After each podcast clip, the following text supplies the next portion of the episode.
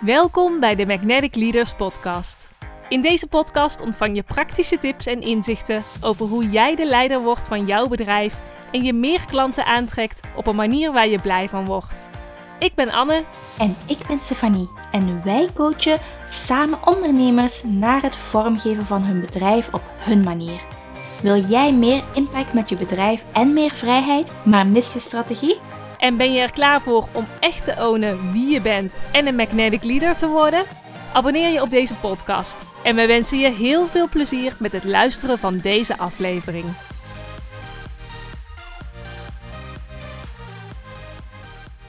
Vandaag is Suzanne van Duin te gast hier in de podcast. Je kent haar misschien ook wel onder de naam Vrije Meid, want Suzanne leert ondernemers hoe ze locatie onafhankelijk kunnen ondernemen en een vrij leven voor zichzelf creëren. Welkom Suzanne. Ja, dank jullie wel. Ja, super tof dat je hier uh, vandaag in de podcast aanwezig bent en dat je samen met ons dieper in wilt gaan op de mindset en de strategie die jij toepast in je bedrijf om groter te groeien. Ja, ja, dat is leuk en vereerd ook, want een paar jaar geleden had ik uh, ja, niet gedacht dat ik over dat onderwerp nu uh, zou mogen praten. Ja, kun je ons meenemen naar een uh, paar jaar terug, naar het begin van jouw ondernemersreis? Hoe ben jij begonnen? Nou, eigenlijk ben ik begonnen met ondernemen omdat ik inderdaad locatie onafhankelijk wilde zijn, zodat ik dan veel kon reizen. Dat was ook echt mijn drijfveer, gewoon vrijheid. En dat betekende op dat moment voor mij kunnen reizen. Ik verhuurde mezelf als freelancer op het gebied van PR en content. Grotendeels wel gewoon de PR-klussen gedaan. Dus PR voor bedrijven. Bedrijven in de media krijgen. Dat, daar kwam het eigenlijk op neer. En deels ook schrijven. Dus ik maakte ook nog blogs. En uh, in het begin deed ik ook nog wel social media tekstjes en zo. Maar al snel was het toch wel gewoon blogs over reizen. of uh, PR. En dan ook wel een beetje richting het reizen wereldse bedrijven. Ja, dat vond ik dan toch wel mooi om uh, inhoudelijk ook wel met iets bezig te zijn wat ik dan ook echt leuk vond. En um, op dat moment wilde ik ook gewoon genoeg verdienen om te kunnen reizen. Uh, en daardoor heb ik mezelf denk ik ook wel klein gehouden de eerste jaren. Want op zich ging het meteen goed hoor. Ik had genoeg klussen en ik freelancede en uh, ja, ik reisde veel. Dus eigenlijk ging het gewoon heel goed meteen. Maar daardoor, um, nou, ja, eigenlijk vrij snel, ik denk na een jaar of twee, um, dacht ik ook wel van ja, en nu? Is ja, what's next of zo? Ik had niet echt een doel, want mijn doel was behaald. Namelijk, ik kon reizen wanneer ik wilde. en uh, dat maakte me een beetje dat ik zoekende werd. En eigenlijk had ik eerder te veel werk dan te weinig werk. En dat zette me ook wel aan het denken van ja, hoe, hoe kan je nou klanten aan zonder dat je er zelf alleen maar drukker van wordt? Want ik wil eigenlijk niet meer werk, ik wil juist meer vrijheid. Maar goed, geld geeft ook vrijheid. Maar op het moment dat je dan meer moet werken, voel je je eigenlijk ook niet echt vrij. Ook al heb je meer geld. Dus nou ja, ik, ik zat gewoon echt een beetje vast toen. En um, mijn omslagpunt kwam een beetje, denk ik, toen een van mijn vaste freelancers die voor mij werkte, um, plots moest stoppen. Eind 2018 was dat. Um, en toen dacht ik wel van ja, shit. Uh, moet ik nu alles weer zelf gaan doen? Of moet ik een nieuw team gaan bouwen? Of moet ik gewoon een heel ander soort verdienmodel bouwen? En nou ja, dat laatste is wat ik toen ben gaan doen. Ik had zoiets van, ik wil eigenlijk ook helemaal niet meer dat uurtje voor uurtje freelancen. Want je, ja, je blijft toch een soort van slaaf van je eigen klanten. Of weet je, je gaat een beetje ten onder aan je eigen succes. Want hoe drukker je bent, hoe meer je verdient, maar hoe minder tijd je ook hebt. En ik wilde een verdienmodel gaan, verdienmodel gaan opzetten waar ik mee um, kon groeien. Zonder dat ik zelf mijn uren moest laten groeien nou ja, dat, dat is een hele zoektocht geweest. Maar uiteindelijk, uh, een beetje halverwege vorig jaar, 2020, ja, kan ik dan toch wel zeggen dat dat redelijk gelukt is. En dat ik inmiddels gewoon genoeg en lekker ook verdien met mijn eigen producten en diensten. Ja, want jij hebt daar echt een shift in gemaakt, zowel als in het soort bedrijf, echt van freelancer naar echt je, je eigen boeken, je eigen cursussen, je eigen coachingsprogramma. En die stap hè, voor jou om te gaan ondernemen, want je hebt ook eerst een baan in loondienst gehad, hè? Ja. Hoe was die stap voor jou? Want ik weet, je komt niet uit een ondernemersgezin. Kun je daar nee. wat meer over vertellen? Ja, uh, ja, even helemaal terug naar de basis. Ik kom niet uit een ondernemersgezin. Een ondernemen was um, volgens mijn ouders altijd iets wat je niet moest willen. Mm -hmm. uh, mijn opa is namelijk wel ondernemer en die was altijd aan het werk. En ik weet inmiddels ook dat dat ook weer invloed heeft gehad op mijn mindset. Maar um, ik had dus eigenlijk altijd zoiets van: je moet gewoon een goede baan zoeken. Het liefst advocaat of uh, accountant of zo, of uh, arts. En dan verdien je gewoon lekker. En ja, wat, wat wil je nog meer?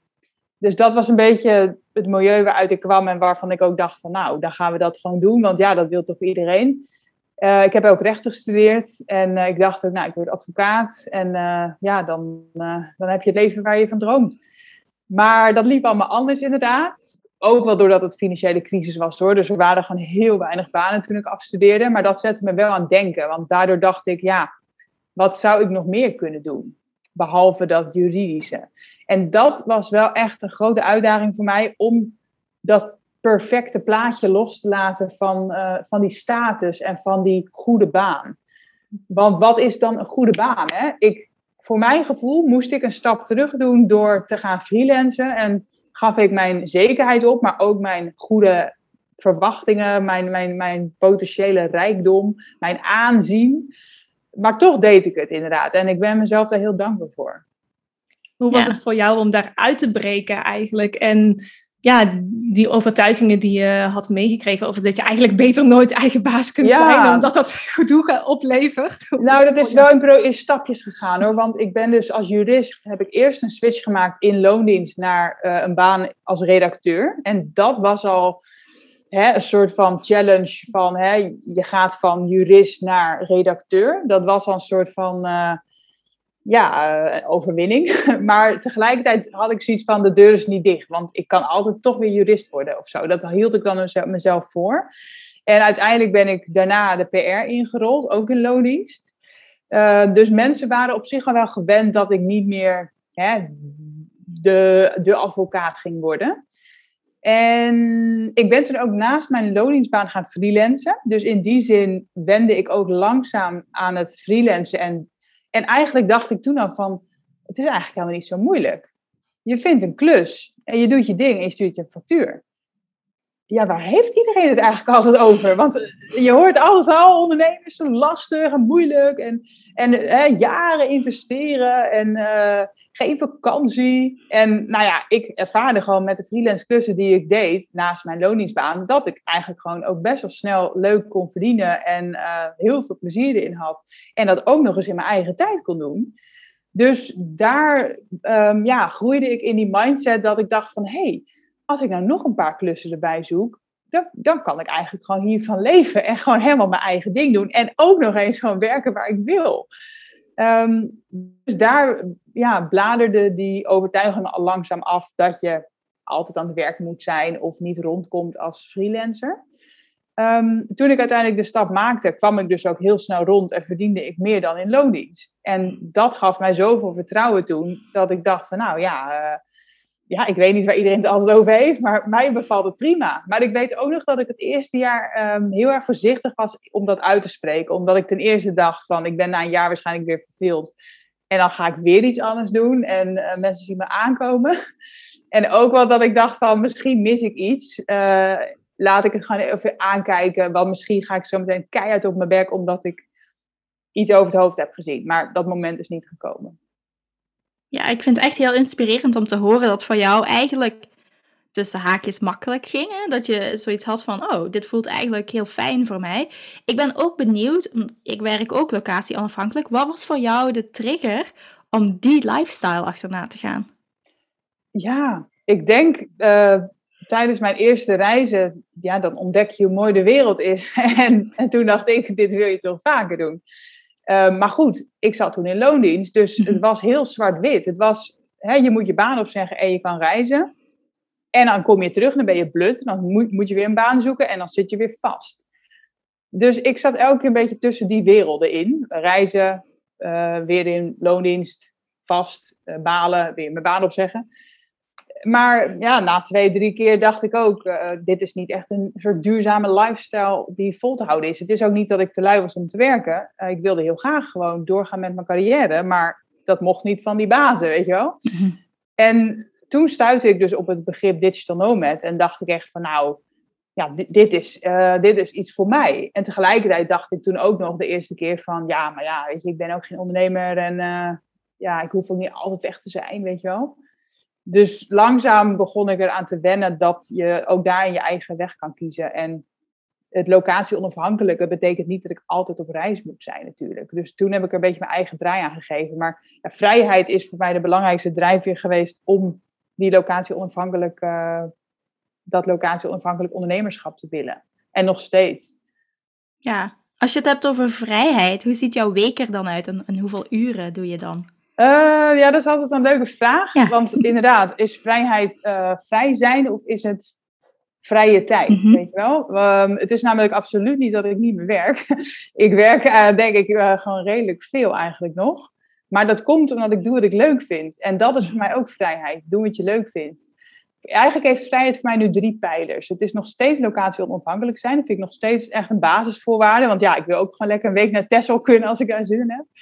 Um, het is ook doen wat ik leuk vind. Ik wil gewoon niks meer doen wat ik niet leuk vind. En dat klinkt echt zo verwende millennial. Maar ja, why not? en, uh, en het is inmiddels ook dat ik gewoon echt lekker ermee wil verdienen. Want ja, voor niks komt de zon op. Uh, mijn, mijn favoriete lifestyle kost ook geld. Dus ik wil er ook, uh, op, ook financieel wil ik me vrij voelen. En geen financiële stress hebben. Of denken van, ah, dat kan ik niet doen, want ja, ik heb niet genoeg geld. Nee, dus um, hoeveel werk ik? Nou, ik denk eerlijk gezegd meestal 40 uur per week. Um, maar wel, ik voel me daar wel vrij in. Want als ik inderdaad mhm. morgen zin heb om om negen uur nog naar yoga te gaan, dan begin ik om half elf. En straks komen de vriendinnen eten. Nou, dan ga ik lekker om half vijf weg. Ga ik lekker rustig koken, weet je wel. Dat, dat voelt gewoon heel vrij. En mijn dag wordt niet meer bepaald door mijn klanten die mij mailen, die iets van me willen. Maar ik bepaal gewoon zelf per dag van, nou, ik ga nu uh, een nieuwe cursus maken. Of uh, ik ga nu uh, een blog maken. Of, ik ben echt mijn eigen baas. Mm -hmm. Dus Zeg je dan eigenlijk dat je weken en je dagen altijd heel verschillend zijn? Nee, dat niet. Ik ga ook op zich wel goed op structuur hoor. Mhm. Ehm, mijn vriend is ook een loondienst, dus misschien helpt dat ook wel mee dat ik. Het is niet dat hij namelijk uh, de hele dag met mij wil picknicken of zo, weet je wel. Hij is ook gewoon aan het werk. En mijn klant is ook gewoon aan het werk. Dus ik zit redelijk in het standaard werkritme wel. Maandag tot en met vrijdag uh, overdag ben ik aan het werk. Maar ik heb wel per dag een soort van themadagen. Juist omdat ik best wel veel verschillende dingen doe, probeer ik het overzicht te houden. Dus uh, maandag is gewoon echt mijn contentdag. Uh, maak ik een blog, maak ik een podcast, maak ik mijn nieuwsbrieven.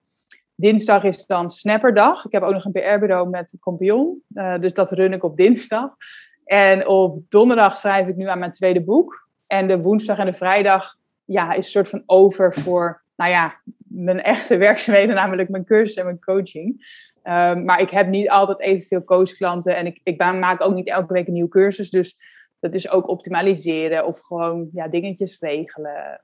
Ja, dus eigenlijk zit er best wel wat structuur in, maar je kan gewoon verplaatsen. Als jij zegt, uh, volgende week ga ik naar Spanje, Huppakee. Ja, precies. En ook zoals vandaag, weet je, nou, dan doe ik twee podcasts. Nou ja, dat kan gewoon. Uh, ik hoef niemand uh, om toestemming te vragen of vrij te nemen of zo. In principe kan ik natuurlijk mijn dagen indelen zoals ik wil, maar om toch wat structuur te houden en om ook discipline te hebben om die content ook echt te maken, zorg ik wel dat ik vaste momenten heb waarop ik bepaalde dingen doe. Ja, dat is echt heel inspirerend om te horen dat die twee ook samen kunnen, want die vraag krijg ik al regelmatig. En je sprak net ook over je PR-bureau, wat je nog met iemand anders hebt, en je eigen bedrijf en coaching.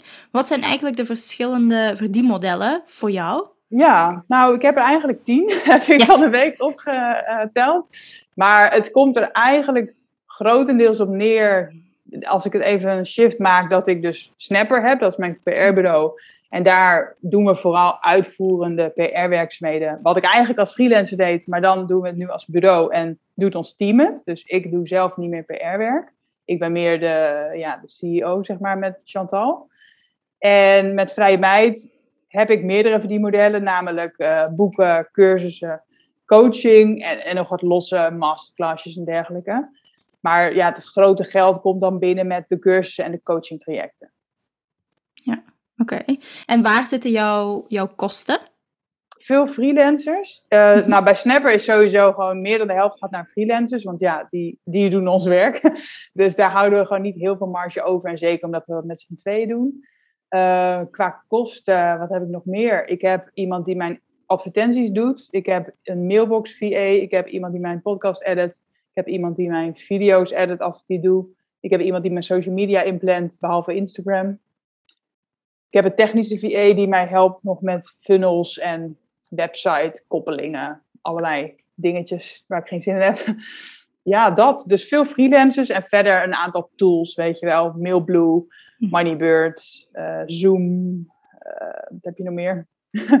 dat soort dingen. Maar over het algemeen zijn mijn kosten natuurlijk niet heel hoog. Want hm. ik heb geen inkoop natuurlijk. Behalve als ik mijn eigen boek inkoop voor mijn cursus. Maar uh, ik ben natuurlijk online ondernemer. Dus dat op zich valt het mee. Alleen ik geloof ook wel echt te investeren in uitbesteden. Want ik vind vrije tijd ook heel erg belangrijk. Dus ik maak wel goed de afweging tussen hoeveel tijd wil ik hebben en hoeveel geld wil ik hebben. Mhm. Want ja, hoe doe je dat? Als je zegt van je besteedt redelijk wat dingen uit, hoe maak je die beslissing met oké, dit is voor mij een logische uitbesteding of niet? Ik wil eigenlijk niet vanuit angst kiezen of vanuit tekort. Dus ik denk zelden van kan ik dit betalen of zou ik dat niet toch zelf doen, want ik heb geen geld. Ik denk vooral vind ik dit leuk. Hm. En als ik het leuk vind, dan wil ik het heel graag doen. En dan is het limiet op een gegeven moment mijn tijd. Want je kan gewoon niet alles zelf doen. Dus als tijd op een gegeven moment een limiet, een limiet wordt, dan denk ik ook weer van, nou ja, oké, dan moet ik hulp hebben.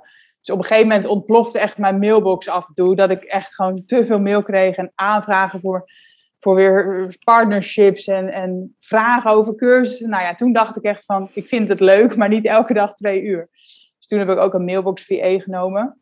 En dan kan ik wel denken van, ja, het kost me weer 60 euro per uur.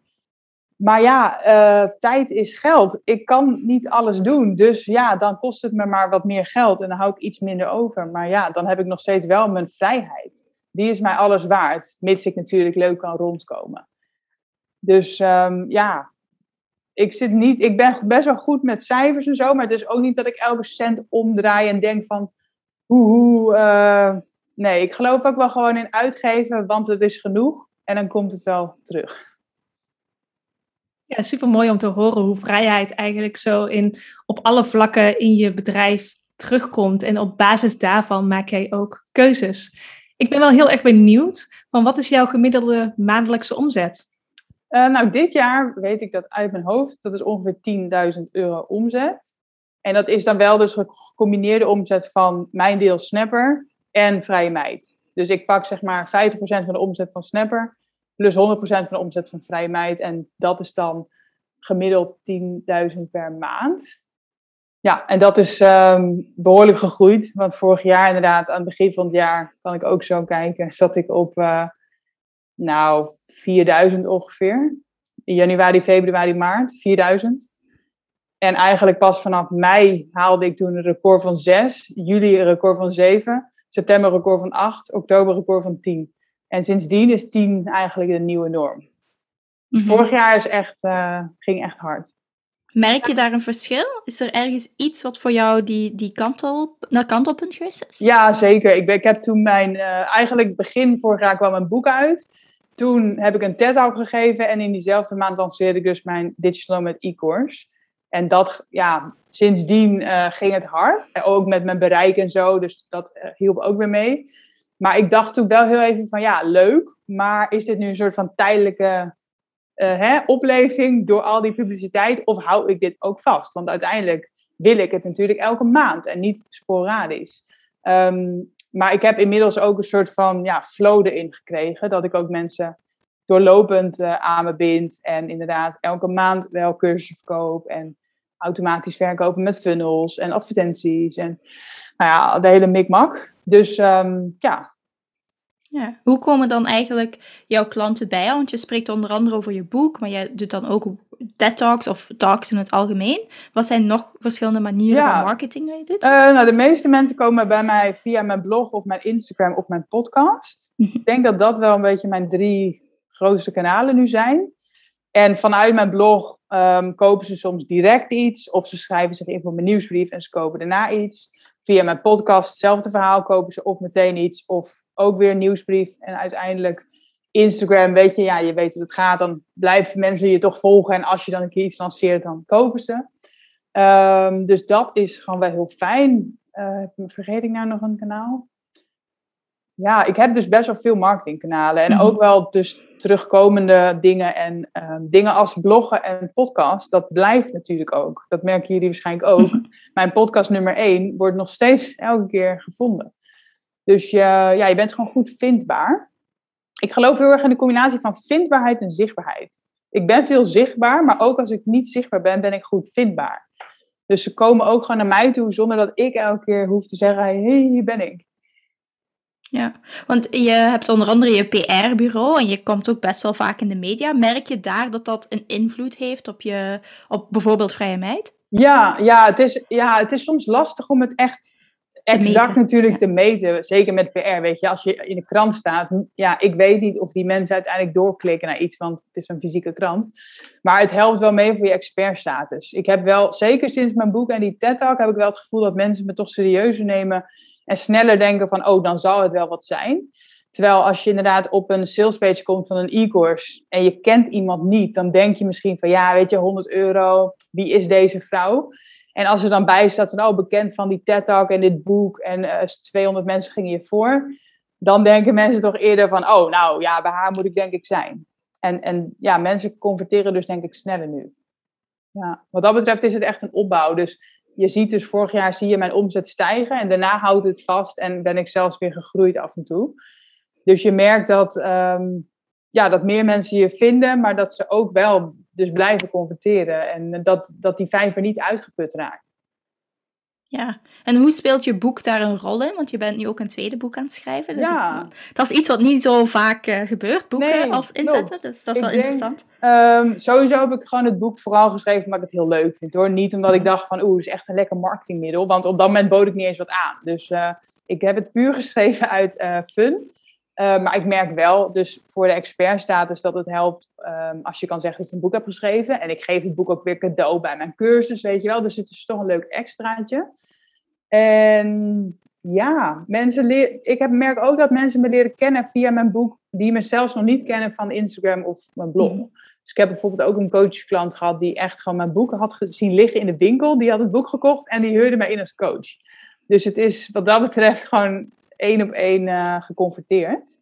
Dus ja, dat is gewoon heel leuk om te merken. Uh, maar tegelijkertijd zijn die aantallen wel laag hoor. Want ik heb op Instagram dan 8000 volgers. Maar mijn boek is bijvoorbeeld maar 2000 keer verkocht. Dus het is niet dat ik door mijn boek opeens 10.000 volgers erbij krijg of zo. Nee, maar de mensen die het lezen zijn natuurlijk wel heel betrokken. En mijn tweede boek, um, ja, dat moet nog blijken hoeveel dat gaat opleveren en dergelijke. Maar daar heb ik nu wel een veel betere strategie bij. Omdat ik bij mijn eerste boek heb gemerkt van, oh ja, weet je, mensen die lezen het en dan zijn ze een soort van fan en dan willen ze iets van je. Dus ik ga nu ook een cursus aanbieden die ik dan bij, de, uh, bij het boek weer uh, erbij doe, zeg maar. Of, of upsell. Ja. Ja, dat is wel heel interessant, vind ik, om te, te horen hoe dat eigenlijk dat boek eerst met niet echt een strategie, maar gewoon omdat je het leuk vindt. En dan nu een tweede boek dat, dat erbij komt. Wat zijn nog jouw, jouw volgende grote stappen met je bedrijf? Of waar wil je naartoe groeien nog? Ja, nou best lastig soms hoor. Want ik, ik wil zo vaak nieuwe dingen en ik heb zoveel gedaan de laatste jaren dat ik af en toe ook weer heel veel denk van het is eigenlijk even goed. Ehm, mhm. ik wil dit jaar, komt dus mijn tweede boek uit en lanceer ik dus die derde e-course. dus eerlijk gezegd denk ik volgend jaar dat ik even gewoon ga denken, nou, eens even kijken hoe het gewoon loopt, weet je wel. Ik moet ook niet altijd nieuwe dingen willen. Misschien moet ik eens beter gaan optimaliseren wat er staat. Want ik denk met mijn bereik en met mijn cursussen dat er nog veel meer uit te halen is eigenlijk. Eigenlijk is 10.000 euro dan weinig. Dus um, misschien moet ik daar maar eens naar gaan kijken. Van hoe kan ik misschien uit mijn huidige bereik en alle content die ik heb, kan ik denk veel meer uithalen. Dus hmm. daar zou denk ik wel een, uh, een, uitdaging zitten voor mij. Maar ik ben meer van de nieuwe dingen doen. Dus het is voor mij ook wel lastig om dan echt in die details te duiken en uh, ja, met hetzelfde bezig te blijven. Maar ja, misschien moet ik dat maar eens gaan doen. Maar eerlijk gezegd kijk ik nu even gewoon naar dit jaar. En dan uh, zien we volgend jaar weer verder. Ik ken ook mezelf. Er komt weer iets nieuws op mijn pad volgend jaar. Of, er, of ik heb een idee voor een derde boek, weet je wel. Ja, het komt wel ik ben ook gewoon heel blij met wat ik nu doe. Ik ben heel benieuwd in jouw groei na die 10k. Heb je overtuigingen en patronen mogen doorbreken om jezelf toe te staan om meer te gaan verdienen? Ja, zeker. Ja, ik heb laatst ook een, uh, een opstelling gedaan over geld. Een soort familieopstelling-achtig met thema geld. En toen kwamen er dus ook heel veel dingen naar boven die ik eigenlijk net al noemde ook. Maar waarvan ik dan altijd dacht van, dat, dat zit niet zo diep. Maar ik heb inderdaad een aantal overtuigingen, nog steeds wel. Uh, onder andere dat ik dus denk dat je heel hard moet werken voor succes. Um, op zich werk ik niet altijd heel hard, maar daar voel ik me dan dus weer schuldig over. Want dan heb ik het gevoel dat ik het niet verdien. Um, en ik, ik heb ook soms het gevoel dat ik me, mezelf moet verantwoorden, inderdaad. Ook bijvoorbeeld op Instagram, om te laten zien dat ik ook echt wel heel hard werk. Omdat mensen het me anders niet zouden gunnen of zo, weet je. Of dat ik het mezelf niet gun. Dus dat zijn wel um, dingen waar ik nog steeds mee, mee zit. En ik merk ook wel, dat is ook misschien een beetje een generatiedingetje met het online ondernemen. Dat je toch snel wordt gezien als een soort van, ja, tovenaar of zo. Van, hè, ze, ze, is een beetje wat met haar laptop aan doen en bam, 10k. En uh, ja, dat mensen je, je het niet gunnen, omdat ze ook niet snappen wat je nou eigenlijk doet. Dus ik probeer mensen heel erg mee te nemen in wat ik doe. Mhm. En tegelijkertijd denk ik soms van ja, uh, who cares? Laat ze dan maar denken, weet je wel. Maar dat vind ik heel moeilijk om los te laten. Ja, want jij bent ook een aantal keer in de media hierover geïnterviewd. En je schrijft ook veel Instagram-posts hierover. En daar heb je ook wel eens reacties op gehad die minder leuk waren. Ja, hoe, hoe, hoe, ga jij daar dan mee om? Ja, dat vind ik uh, best lastig hoor, om eerlijk te zijn. Kijk, ik probeer dan heel snel te denken van, oh, uh, niks van aantrekken, laat maar gaan. Uh, en ik weet ook dat het heel vaak wat zegt over hen, weet je wel. Maar goed, ja, het raakt me ook. Um, en ik probeer ook eigenlijk niet langer dan een muur om me heen te hebben en te denken, uh, ik negeer het, want het raakt me wel. En dat mag ook gewoon. En uh, ja, het is niet dat ik daar huilend van in slaap val of, of dat ik stop met wat ik doe, maar ja, ik vind het wel moeilijk. Zeker als mensen dan zeggen van, hé, je bent een oplichter of uh, je verdient aan onzekere vrouwen of slapend rijk worden weet ik veel, al dat soort dingen. Ja, dan denk ik echt van, je snapt niet wat ik doe. Je snapt niet waar ik voor sta. Dat is absoluut niet mijn drijfveer. Nee. En zijn dit reacties die je vooral eigenlijk van mensen hebt gekregen die je niet kent? Of zijn er ook mensen in jouw omgeving waar je een andere relatie mee hebt gekregen? Nee, kijk, echt die haatreacties en echt die botte dingen, dat zijn over het algemeen natuurlijk gewoon, ja, random mensen op social media die in het echt dat nooit zouden zeggen. Uh, in mijn omgeving, eh, in mijn directe zeg maar, vrienden, familie, heb ik heus wel af en toe een beetje rare blikken van waar heb jij het nou weer over? Of, of dat mensen gewoon denken dat je heel rijk bent, weet je, want het is allemaal relatief. Kijk, 10.000 euro omzet, dat klinkt als een groot bedrag en dat is het ook, maar het is omzet, het zijn geen kosten. En ik moet ook nog belasting betalen en mijn pensioen en mijn arbeidsongeschiktheid. Weet je, en ik ben daar dan heel transparant over, denk ik altijd. Maar toch gaan mensen er dan vanuit dat je heel rijk bent of zo. Of dan krijg ik van die reacties na een goede lancering van, nou weet je, jij trakteert.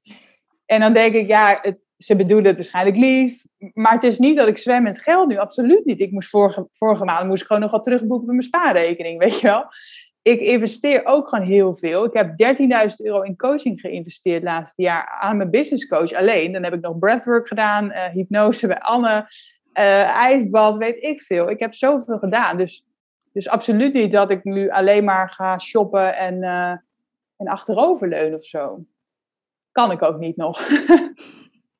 en als we het dan hebben over het verder doorgroeien, zijn er dan nog overtuigingen die jij mag doorbreken om nog meer geld te verdienen? Ja, ik denk, um, ik denk die controle inderdaad. Dat ik er meer op mag gaan vertrouwen dat het wel goed komt.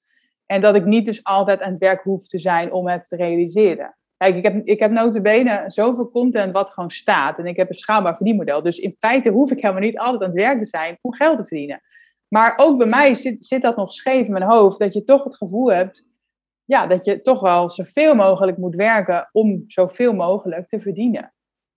Um, terwijl je ook slimmer kan werken. Of ja, daar zit bij mij ook heus nog wel een, een ding. Dus ik ben ook wel benieuwd. Ik zou echt heel graag een keer gewoon een maand of zo niks willen doen. En dan eens kijken of veel er binnenkomt. Maar dat vind ik ook heel eng hoor, nog.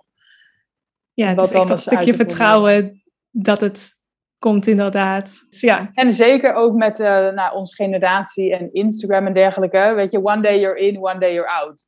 Dat het ook wel heel tijdelijk kan zijn. Of dat ik bang ben dat, het, dat mensen me direct vergeten als ik een maand niets, niets laat zien. Of... Uh, dat ze dan voor de concurrent kiezen of weet ik veel. Weet je, dat zijn ook allerlei angsten die ik heus ook heb. Waar ik me niet door laat leiden, maar die ik heus af en toe wel eh, heb hoor. Ja, ik vind het ook heel erg mooi en dankjewel ook om hier zo open over te delen. Want Mhm. vaak kijken we naar andere, andere, andere ondernemers die een bepaalde maandomzet hebben en denken we, wow, wat zij doen is fantastisch. En eh, zij hebben vast geen eh, blokkades en bij hen gaat, loopt alles op rolletjes. Ja, nou, nee, ik, ik probeer ook wel ehm, open te zijn over struggles. En dat is ook misschien weer een ding, want soms heb ik het gevoel dat ik bijna struggles moet hebben om dan te laten zien dat ik ook heel menselijk ben. Maar ik heb gewoon Mhm. ook niet altijd struggles, weet je wel. Soms gaat het gewoon, gewoon echt lekker. En het is niet dat ik dan iets verzwijg. Dus dat vind ik ook nog wel lastig soms. Weet je, ik ben ook gewoon echt een positief mens. Het is niet dat ik, eh, dat ik die kant eh, alleen laat zien of zo. Maar ik deel bijvoorbeeld ook wel eens als ik een slechte maand heb. Of als ik inderdaad, eh, ja, als iets tegenvalt. Ja, je valt ook door de man, denk ik, als je gewoon niet eerlijk bent. Dus eh, ja, ik probeer ook gewoon mezelf te zijn. Ja, en ik was ook nog wel heel erg benieuwd, want jij investeert je geld ook, hè? Beleggen ben je mee begonnen, crypto ook? Ja, ook vorig jaar inderdaad mee begonnen allemaal. Kun je daar wat meer over vertellen? En Ja. hoe jij jouw geld inzet om het groter te laten groeien? Ja, nou dat, dat is ook inderdaad een inzicht wat eigenlijk pas vorig jaar kwam. Ik denk omdat ik eerst eigenlijk nooit geld had. Ehm, en daar zit het hem ook in. Ik, ik had altijd wel genoeg geld om te doen wat ik wilde. Maar het was dus ook altijd weer op. Dus ik spaarde en dan ging ik op reis en dan was het op. Of eh, ik spaarde voor iets anders. Weet je, ik was altijd heel erg bezig met korte termijn. Maar ik was nooit bezig met vermogen opbouwen. Dus ehm, ja, wanneer begon dat nou eigenlijk, hè? dat besef? Ik weet niet helemaal, kijk meerdere boeken en inzichten en zo. Maar op een gegeven moment dacht ik wel van, hé, hey, ik moet iets gaan opbouwen. Want anders kan je nog zoveel verdienen. Maar als je alles weer uitgeeft, word je eigenlijk nooit rijker. Ook al denk je dat je een heel rijk leven hebt. Eigenlijk ben je gewoon zo blut als je laatste paycheck, weet je wel. Hoe lang kan je het uitzingen als je niet meer werkt? Je bent uiteindelijk, uiteindelijk zijn we allemaal slaven van ons eigen bedrijf, zolang we niet eh, een vermogen hebben waar we van kunnen leven. Want op het moment dat je stopt met werken, hoe lang kan je dan nog overleven, zeg maar. Dus toen eh, dacht ik wel van ja, ik moet een vermogen gaan opbouwen. ehm, zodat als ik een keertje niet werk, en dat kan natuurlijk als ZZP'er altijd gebeuren, dat je niet meteen een probleem hebt. Dus ik ben toen begonnen met beleggen. Eigenlijk ja, gewoon op de beurs. Eh, ik koop elke maand een ETF van eh, 100 euro of zo. Dus daar ben ik mee begonnen. Ik ben ook met mijn pensioen begonnen. Echt zeg maar met een pensioenrekening. En dan ook wel met het argument van dat boek ik echt, echt niet terug. Eh, want beleggen is natuurlijk ook wel voor de lange termijn. Maar weet je, 10 jaar is ook lange termijn. Maar pensioen is gewoon 35 jaar. Dus ehm, ja, dat vond ik ook wel goed. En ook het fiscale voordeel wat daaraan hangt. En even denken, wat doe ik nog meer? Ja, weet je, dan ben je op een gegeven moment een beetje op dat financiële spoor. En dan denk ik, oh leuk, dat Peaks eh, is ook een leuke app. En oh, Bucks Zero, ook een leuke app. En eh, wat heb je nog meer? Ja, ik heb nu vier beleggingsrekeningen, denk ik. en dan ook dus nog eh, wat crypto gekocht. Maar goed, het is niet dat daar duizenden euro's in zitten hoor. Ik denk dat ik duizend euro crypto heb. En ik zie dat meer gewoon als een soort, ja, weet je, we zien wel. Kijk, niemand weet hoe dat loopt. Ehm, maar ik verwacht dat dat natuurlijk goed gaat. Anders deed ik het niet. Maar ja, het blijft een soort eh, gok, ja. Ja, en het idee van jou is ook om daarin te spreiden, toch? Ja, precies. Het is ook, ja, ik wed sowieso nooit op één paard eigenlijk. Dus ehm, ik heb inderdaad gewoon verschillende rekeningen en verschillende, ja, verschillende dingen. Ik zou nooit al mijn geld in, in bitcoin gaan stoppen. Maar net zo goed zou ik niet al mijn geld eh, in één ETF stoppen. Nou, misschien dat eerder, maar ja, ik geloof wel in spreiding. Ja, heel interessant hoe dat eigenlijk al je stappen in je bedrijf leiden naar vrijheid. En dat je daar echt, dat is je beweegreden, toch? Dat is je Ja. grootste, je grootste stap, is, is vrijheid. Als je terugkijkt over je hele ondernemerscarrière, welk advies had jij graag eerder willen weten?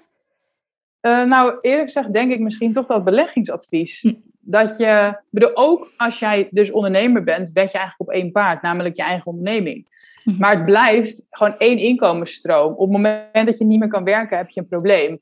En op het moment dat je inderdaad gewoon een lekker, lekkere omzet draait, maar alles gaat eruit aan kosten of je geeft alles uit aan schoenen, is het nog steeds op, zeg maar. Dus eh, dat stukje investeren buiten je bedrijf, dus in vermogen en, en ook in jezelf, dat, eh, die tip had ik wel eerder willen krijgen.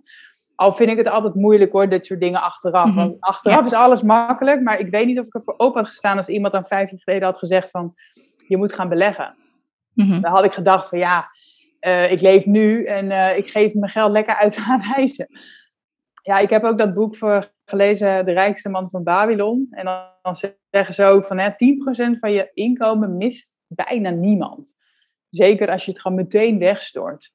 Dus weet je dat, of desnoods 5%. Maar begin gewoon heel klein, maar begin gewoon elke maand iets weg te storten waar je gewoon niet meer aankomt. Het liefst gewoon 30 jaar inderdaad niet. Want de kracht zit er nou juist in die lange termijn. Dat rente-op-rente effect. En ehm, ja, dat bereik je alleen door eraf te blijven. Maar ik snap ook dat dat een kortsluiting geeft bij mensen. Want ik leef ook, ik leef ook in het nu. Ik wil ook nu een leuk leven leiden. En ik investeer niet alles voor later, weet je wel. Daar ben ik juist van afgestapt. Dus ik probeer daar ook weer een balans te houden tussen, ja, wat geef ik nu uit? Weet je, ik ga ook gewoon lekker een koffietje halen en ik, ik bestel ook thuis af en toe. Maar ik probeer ook, ja, zoveel mogelijk te investeren. Ja, ik heb ook nog wel een persoonlijke vraag. Is er nog één land of regio waar dat je echt zou willen wonen lange termijn? Uh, nou, ik denk niet dat ik ooit zou emigreren, echt Mhm. forever. Maar het lijkt me best wel leuk om nog een keertje, nou, een half jaar of een jaar of zo ergens te wonen. En ja, het zou me bijna niet uitmaken waar misschien. Eh, nou, ik, Kaapstad staat wel op het, op het lijstje om eh, in december heen te gaan. Maar dan heb ik het meer over een maand of zo. Op de een of andere manier lijkt het me ook wel vet om een tijdje in Amerika te wonen. Hm. Azië, ja, Azië ook, ja. Nee, ik heb, niet, Overal. ik heb niet één land dat ik denk, oh, ooit wil ik daar nog wonen. Nee. Ik denk ook wel, als ik dat echt had, dat ik het al had gedaan. Want als je gewoon echt iets wil, moet je het gewoon lekker doen. Nee, ik ben gewoon weer heel content met mijn eh, part-time digital nomad leven. Ja, en jouw eerste boek dat je hebt geschreven, dat gaat ook over het digital nomad leven. Ik ben heel benieuwd, want binnenkort komt je tweede boek uit. Waar gaat het over? Ja, mijn tweede boek. Mijn tweede boek heet De route naar een ton per jaar. en ehm, ja, nou ja, dat is dus ook waar het over gaat. Over mijn weg eigenlijk naar die financiële groei. Uh, en ook wel wat het mij heeft gebracht en hoe ik natuurlijk die groei heb kunnen, kunnen realiseren. En ik denk dat er een aantal dingen dus heel belangrijk zijn geweest in die, die weg naar de ton per jaar. En dat is um, dat ik, nou ja, hulp ben gaan zoeken bij anderen. Uh, ik heb een business coach in de arm genomen, maar ik heb ook inderdaad allerlei andere ja, experts, uh, persoonlijke ontwikkelingsdingen gedaan eigenlijk, die me verder brachten. Ik ben heel erg ook aan mezelf dus gaan werken. En ik heb heel veel boeken gelezen, heel veel podcasts geluisterd. Ik heb heel veel mensen geïnterviewd ook voor mijn blog eigenlijk weer, wat dan uiteindelijk ook weer echt een katalysator bleek voor mijn eigen groei. Dus ja, ik heb het afgelopen jaar superveel gedaan en, en mijn inkomen is echt daardoor gegroeid. En die weg beschrijf ik dus in mijn boek. Dus het is in principe ja, een beetje een chronologisch verhaal van mijn rock bottom moment. Dat ik echt heel weinig verdiende en echt zoekende was van ja, hoe ga ik nou mijn business uh, runnen met mijn eigen producten en hoe zorg ik dan dat mensen die producten kopen? Tot inderdaad, uh, ja, stabiel 10k per maand en uh, the only way is up, er is nog zoveel meer mogelijk. Uh, en ik heb dan wel dat ik ook de interviews die ik heb gedaan, dat ik die aanhaal. Dus dat ik ook wel de quotes en de lessen die ik eruit heb gehaald, dat ik die noem. Maar het is niet een soort vraag- en antwoord structuur, dat alles letterlijk is terug te lezen. Want dan kunnen mensen ook gewoon op mijn blog kijken. Yes, dus als je nu luistert en je vindt dit interview al inspirerend, binnenkort kun je ja. het nieuwe boek, het tweede boek van uh, Suzanne lezen. Ja, ja, het is inderdaad uh, nou, best een kluif. Ik, uit mijn hoofd 240 pagina's of zo, dus veel meer nog te lezen. En tegelijkertijd had ik, had ik het nog veel langer kunnen maken, want ja, overal zit dan weer wat in. En denk je, oh ja, en dit en dat en zus. Dus ook natuurlijk een beetje schrappen en uh, ja, logisch verhaal ervan maken. En um, ja, hij komt 30 november dus uit. En de mensen die hem pre-orderen, die krijgen ook mijn nieuwe cursus erbij. Dus dat is ook wel heel leuk. De cursus is dan meer een soort vervolg van, ja, hoe kan jij dan ook hè, je inkomen laten groeien? Of ja, hoe kan je ook een ton verdienen? Dat is een beetje cheesy, maar het gaat uiteindelijk om groei. En niet zozeer om het cijfer wat je aanhangt. Want de ene vindt 50.000 euro heel veel geld en de andere die vindt een ton nog steeds weinig. Ja, het is ook allemaal relatief. Het gaat over groei. En ook afhankelijk natuurlijk van je kosten en van de tijd die, je erin stopt. En het plezier wat je hebt. Ja, het was echt super inspirerend uh, om jou te interviewen en veel meer te horen over alle verschillende dingen die je doet eigenlijk. En dat daar toch, ook al is er veel vrijheid, toch een stukje structuur in zit. En hoe dat je eigenlijk met je patronen aan de slag gegaan bent. Is er nog een laatste zin, woord, quote, iets wat je wilt delen met de luisteraar? Uh, nou, ik denk toch het stukje persoonlijke ontwikkeling. Ik, ik weet namelijk, nou misschien niet jullie luisteraars, maar ik weet dat er gewoon heel vaak lacherig wordt gedaan nog steeds over het mindset stuk. En dan denk ik, ja, mensen die daar lacherig over doen, hebben gewoon een slechte mindset. Maar het is zo belangrijk om, om te weten dat heel veel dingen gewoon echt in je hoofd gebeuren. Weet je, ik kan iedereen een soort van strategietje geven om een bedrijf te starten. Ik kan iedereen een strategietje geven om digital nomad te worden. Kan een strategie geven voor Instagram, maar mensen doen het niet. En dat komt niet omdat die strategie niet klopt. Dat komt omdat ze in hun hoofd allerlei smoesjes bedenken waarom ze het niet gaan kunnen of doen. Of...